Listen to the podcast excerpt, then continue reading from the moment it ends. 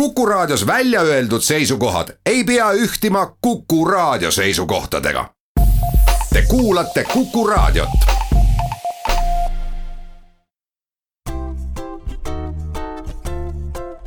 patsiendiminutid, Patsiendiminutid toob teieni Eesti Patsientide Liit tere, hea Kuku kuulaja! mina olen Kadri Tammepuu ja tänases saates me räägime mikroorganismidest. nimelt viirustest ja bakteritest, mida me palja silmaga ei näe, aga mis mõnikord vajavad siiski ohjamist, olgu see siis haiglas või ka haiglas väljaspool minuga koos on täna Tartu Ülikooli meditsiinilise mikrobioloogia ja viroloogia professor Irja Lutsar, tere päevast! tere päevast! no viimastel nädalatel räägitakse üha enam uuest koroonaviirusest, mis sai alguse Kesk-Hiinast, Wuhanist. Iga päev tuleb järjest juurde teateid, kui palju on rohkem nakatunuid. kuidas sellised viirused üldse siis alguse saavad ja levima hakkavad?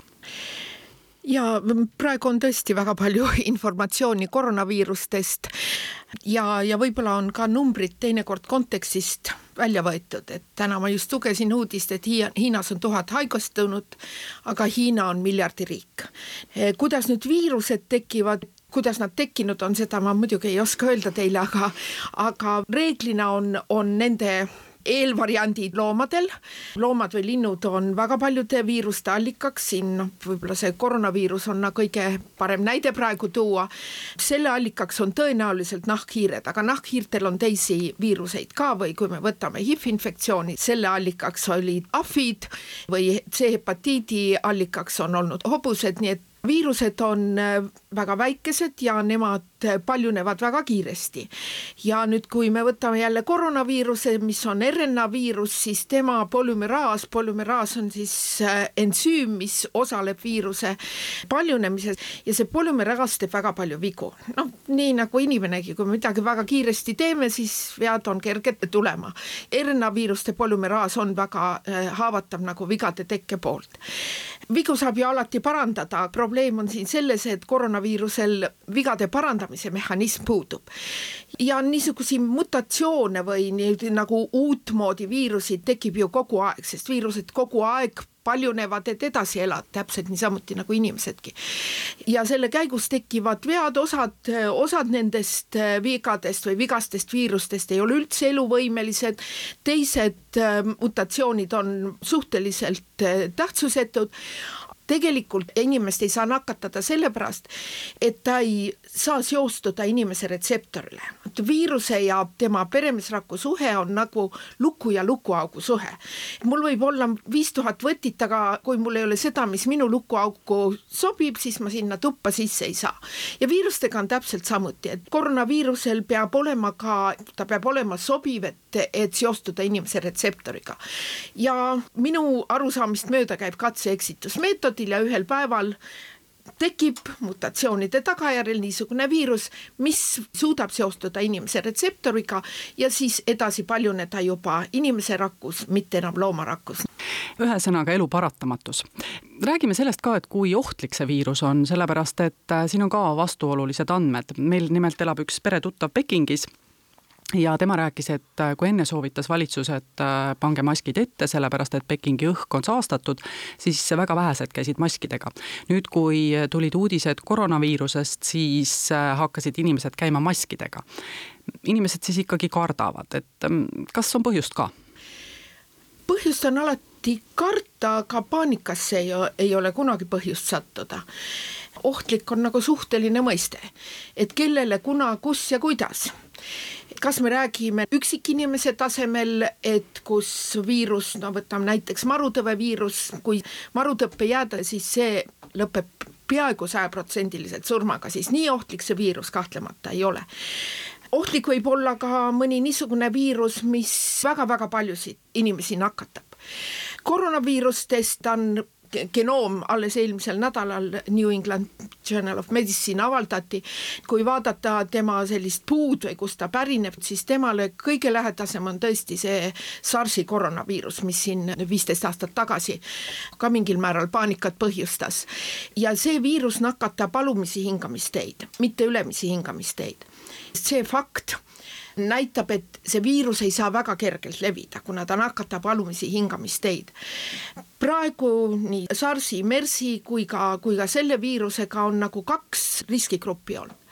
üks on meditsiinitöötajad, mis jällegi näitab, et viirus väga väga laialdaselt ei levi, et meditsiinitöötajad tõesti puutuvad raskete haigetega väga tihedalt kokku. ja teine on vanemad inimesed või, või inimesed, kellel juba on väga rasked äh, põhihaigused.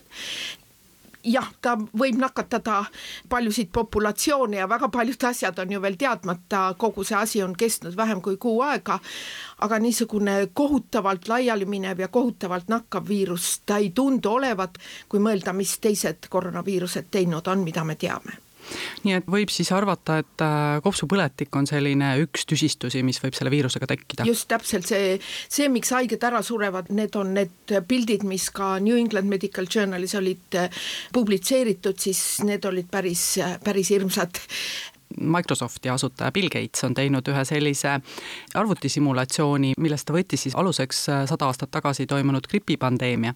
ja läbi selle simulatsiooni siis püütakse öelda, et äh, see praegune koroonaviirus võib halval juhul tappa poole aastaga kolmkümmend miljonit inimest maailmas, et ähm, kui tõenäoliseks teie peate selliseid ähm, väljapakkumisi? Ma, ma ei ole ise neid mudeleid näinud, peab vaatama, mis ja kuidas sinna mudelisse sisse pandi.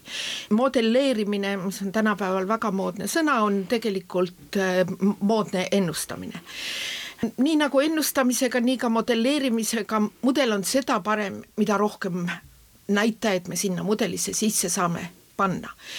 Umbes sada aastat tagasi kuulus Briti statistik Ed Box ütles, et kõik mudelid on valed, aga mõnedest neist võib kasu olla. ja sellega ilmselt ka kõik modelleerijad äh, nõustuvad. paratamatult me ei saa alati kõike panna mudelisse sisse, kui me vaatame ka sada aastat tagasi olukord oli hoopis teine ja inimesed äh, ei surnud mitte pelgalt ära grippi, vaid nad surid ka pneumokokkilisse kopsupõletikku. tänapäeval meil on väga hea antibakteriaalne ravi, mida tuhat üheksasada kaheksateist või kakskümmend veel ei olnud, nii et taha kuidagi seda mudelit kommenteerida, enne kui ma näen, mis ja kuidas mudelisse sisse on pandud. no arusaadav, aga mis te arvate maskidest, et mm, kas maske võiks äh, hakata näiteks eestlased ka kandma, kui neid koroonaviiruse juhtumeid ka Eestis avastatakse?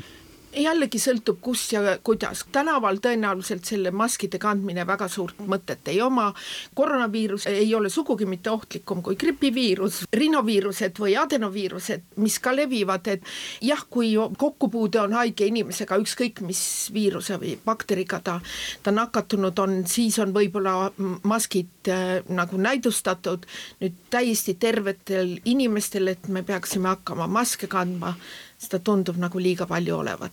hügieenireeglite pidamine, käte pesemine, gripivastane vaktsineerimine, eriti nendes populatsioonides, kus see näidustatud on, nii et see käib loomulikult asjaga kaasas. nii et võtame rahulikult, aga läheme siit nüüd pisukesele pausile, mõne minuti pärast oleme tagasi ja räägime doktor Irja Lutsariga edasi.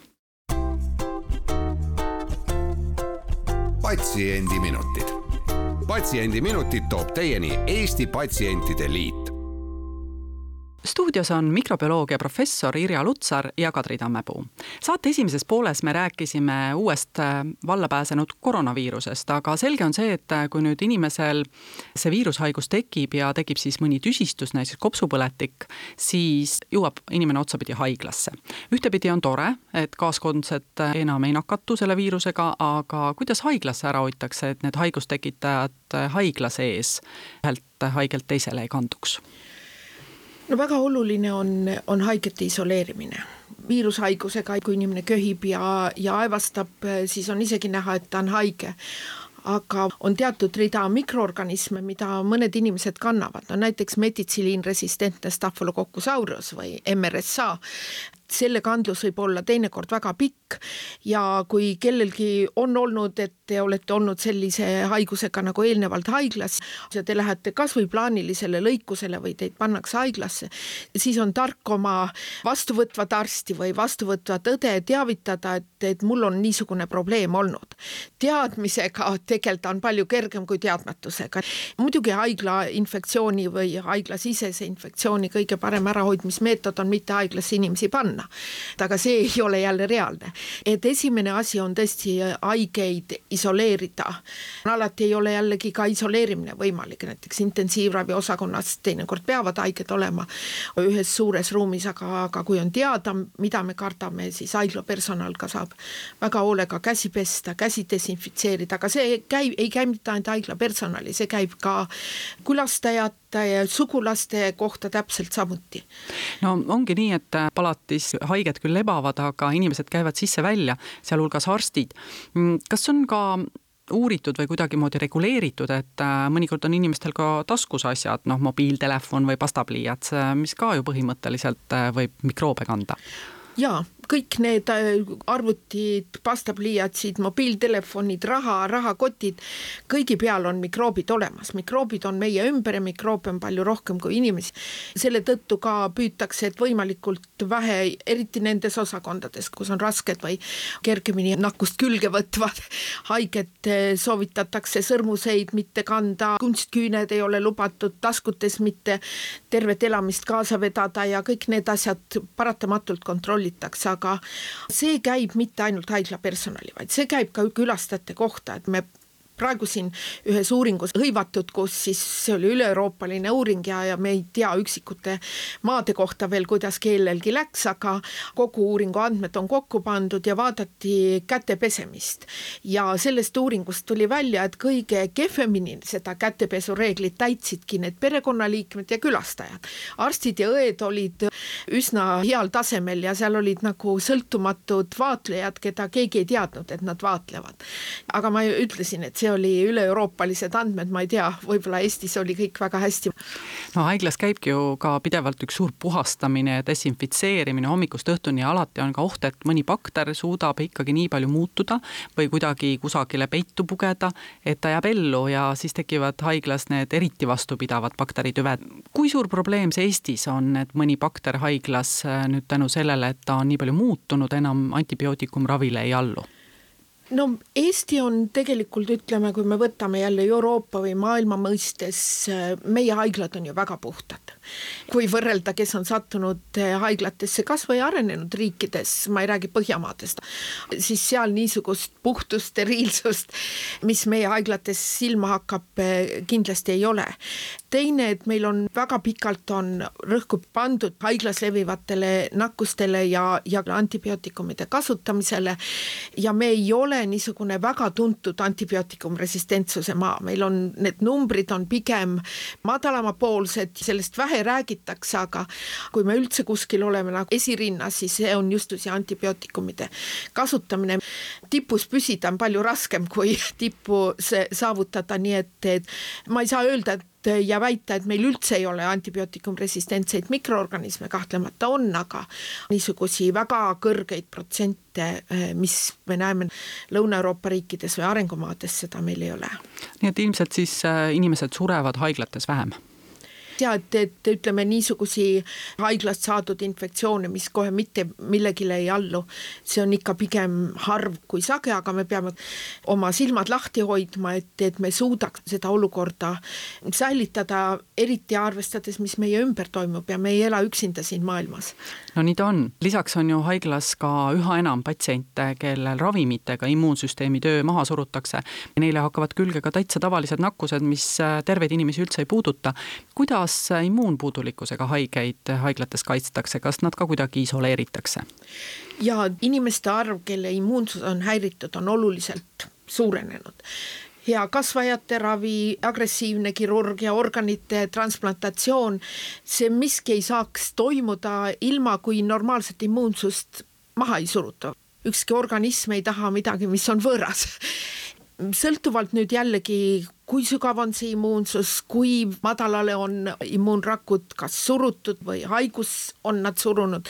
reeglina jah, need niisugused haiged isoleeritakse, teatud eh, olukordades isegi ei ole lubatud duši alla minna, kuna niisugused mikroobid nagu legionellad võivad levida just veega, nii et need haiged hoitakse võimalikult teistest haigetest eraldi, et personal paneb kitlid selga, paneb maskid ette, paneb kindad kätte, kui niisuguste haigetega tegeleb mõnikord on inimeste jaoks segane, kes on jällegi päris terved ja lähevad haiglasse näiteks korralisele operatsioonile, ütleme näiteks puusaliigest vahetama. minnes haiglasse on nad äh, terved, aga tulles haiglast välja, on neil tekkinud äh, mingisugune nakkushaigus miks operatsioonidelt neid haiglanakkusi saadakse, kui me teiselt poolt teame, et lõikusi viiakse ju läbi steriilsetes tingimustes? Doktor Piret Mitt oma doktoritöös just äh, uuris äh, operatsiooni või keisrilõike järgselt tekkivaid infektsioone ja neid jällegi ei olnud väga palju, et noh, ütleme keisrilõige on jällegi niisugune puhas lõikus või, või puusaliigese asendamine on ka puhas lõikus. Noh, päris steriilseks ju operatsioonituba ei saa teha, kirurgidel on küll maskid ees ja kindad käes, nahka ka puhastatakse, aga ka seda nahka ei saa teinekord täiesti mikroobivabaks teha, nii et ikkagi mõnikord võib sattuda kas operatsiooni käigus või operatsiooni järgselt ka haigetel on, saavad sageli infusioonravi, neil on võib-olla kateetrid, need võivad teinekord saastuda, nii et mikroobidel tegelikult haiglas, neile meeldib elada, haiglas on päris hea nagu keskkond elamiseks ja nendest niimoodi täiesti lahti saada ei ole kindlasti võimalik, aga pingutustega on võimalik siiski seda viia miinimumini nii et äh, selliste tüsistuste eest lõplikult kaitstud ei ole keegi ja isegi kui meedikud kõik õigesti teevad, siis mõnikord võib juhtuda. jah jah, mõnikord võib juhtuda, aga nagu ma ütlesin, et Eestis on, on need protsendid ikkagi väga väikesed, et aga loodame, gripihooaeg ei saa tulema raske ja mis te arvate, kas koroonaviiruse jaoks hakatakse ka näiteks vaktsiini välja töötama? No mina kuulsin, et kuus Hiina väikest startup'i juba töötavad nii et, et kindlasti see mõte on.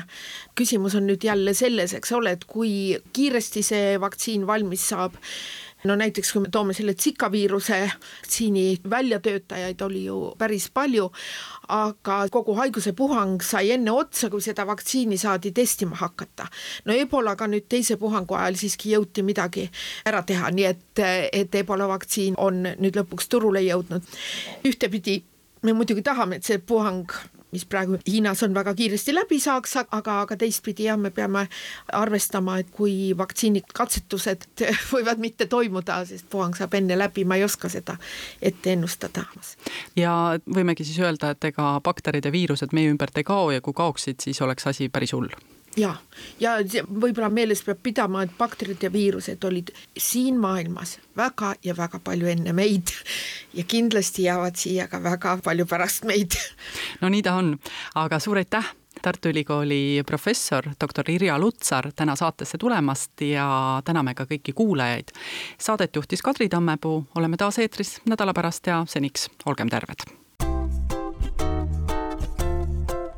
patsiendiminutid Patsiendiminutid toob teieni Eesti Patsientide Liit